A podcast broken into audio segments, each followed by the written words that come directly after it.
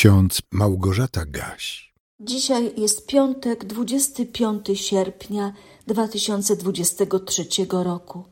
W księdze proroka Izajasza, 49 rozdziale wierszu czwartym czytamy: Pomyślałem, na darmo się trudziłem, na próżno i daremnie zużyłem swoją siłę. A jednak moje prawo jest u Pana, a moja zapłata u mojego Boga. A w liście Jakuba w piątym rozdziale, wierszu siódmym czytamy: Bądźcie cierpliwi, bracia, aż do przyjścia Pana.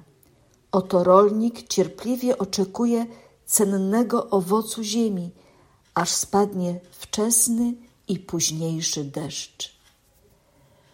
Drodzy słuchacze, podejrzewam, że niektórzy z Was zaglądają do swoich Biblii w trakcie słuchania porannych rozważań, które przygotowujemy w oparciu o wersety biblijne wybrane na dany dzień i zapisane w kalendarzyku z Biblią na co dzień. Być może niektórzy z Was zapamiętali, że wczoraj był werset trzeci z księgi Izajasza z rozdziału 49, a dzisiaj słyszymy werset czwarty. Pomyślałam więc, że dobrze będzie przypomnieć sobie ten pierwszy fragment z 49 rozdziału, w którym prorok Pana tak wiele mówi o sobie i o swoim powołaniu do bardzo trudnej służby. Ta służba nie zawsze przynosiła mu radość i szczęście. W tej służbie spalał się dla Pana. Miał dobre i złe okresy. Czasami wydawał się być człowiekiem silnym, niezłomnym, niepodatnym na wpływy zewnętrznych okoliczności, a czasami miewał chwile niepewności, wątpliwości, a nawet wielkiego zniechęcenia i zmęczenia służbą dla Pana, który go powołał w szczególnych okolicznościach. Są one opisane w szóstym rozdziale Księgi Izajasza. Przypomnijmy sobie w wolnej chwili ten rozdział. A dziś posłuchajmy, co Izajasz zapisał w 49 rozdziale, w wersetach od pierwszego do szóstego. Słuchajcie mnie, wyspy, i uważajcie wy, dalekie narody. Pan powołał mnie od poczęcia, od łona matki nazwał mnie po imieniu i uczynił moje usta ostrym mieczem. W cieniu swojej ręki mnie ukrył, uczynił mnie strzałą gładką, w swoim kołczanie mnie schował i rzekł do mnie: Jesteś moim sługą Izraelu, przez ciebie się wsławię. Lecz ja pomyślałem: Na darmo się trudziłem, na próżno i daremnie zużyłem swoją siłę. A jednak moje prawo jest u Pana, a moja zapłata u mojego Boga. Teraz zaś mówi Pan, który mnie stworzył swoim sługą od poczęcia, aby nawrócić do niego Jakuba i zebrać dla niego Izraela. Gdyż jestem uczczony w oczach Pana, a mój Bóg stał się moją mocą. Mówi: To za mało, że jesteś mi sługą, aby podźwignąć plemiona Jakuba i przywrócić oszczędzonych synów Izraela. Więc ustanowiłem Cię światłością pogan, aby moje zbawienie sięgało aż do krańców ziemi. Warto ten fragment przeanalizować, przemyśleć, tak dla siebie.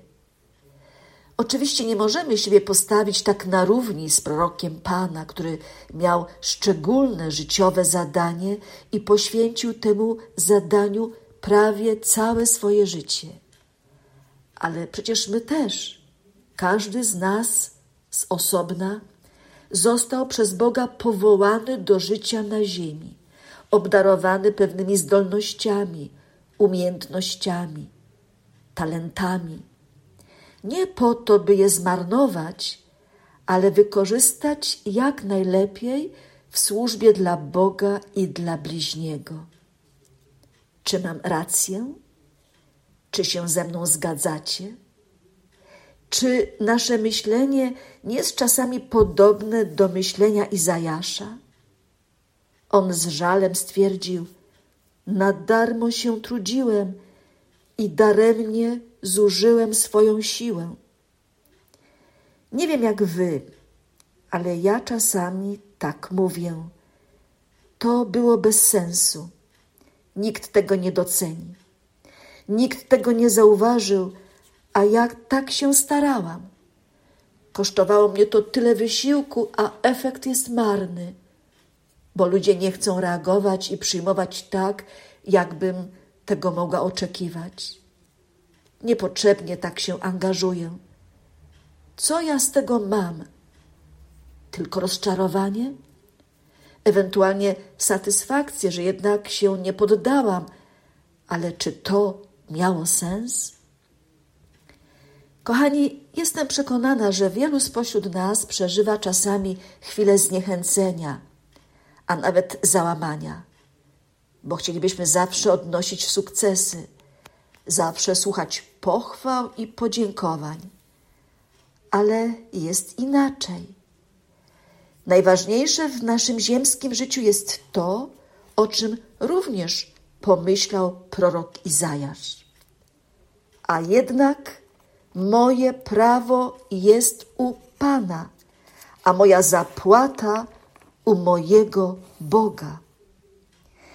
Wiele wieków później apostoł Paweł w liście do Filipian w trzecim rozdziale tak napisał: Zapominając o tym, co za mną i zdążając do tego, co przede mną, zmierzam do celu, do nagrody w górze, do której zostałem powołany przez Boga w Chrystusie Jezusie.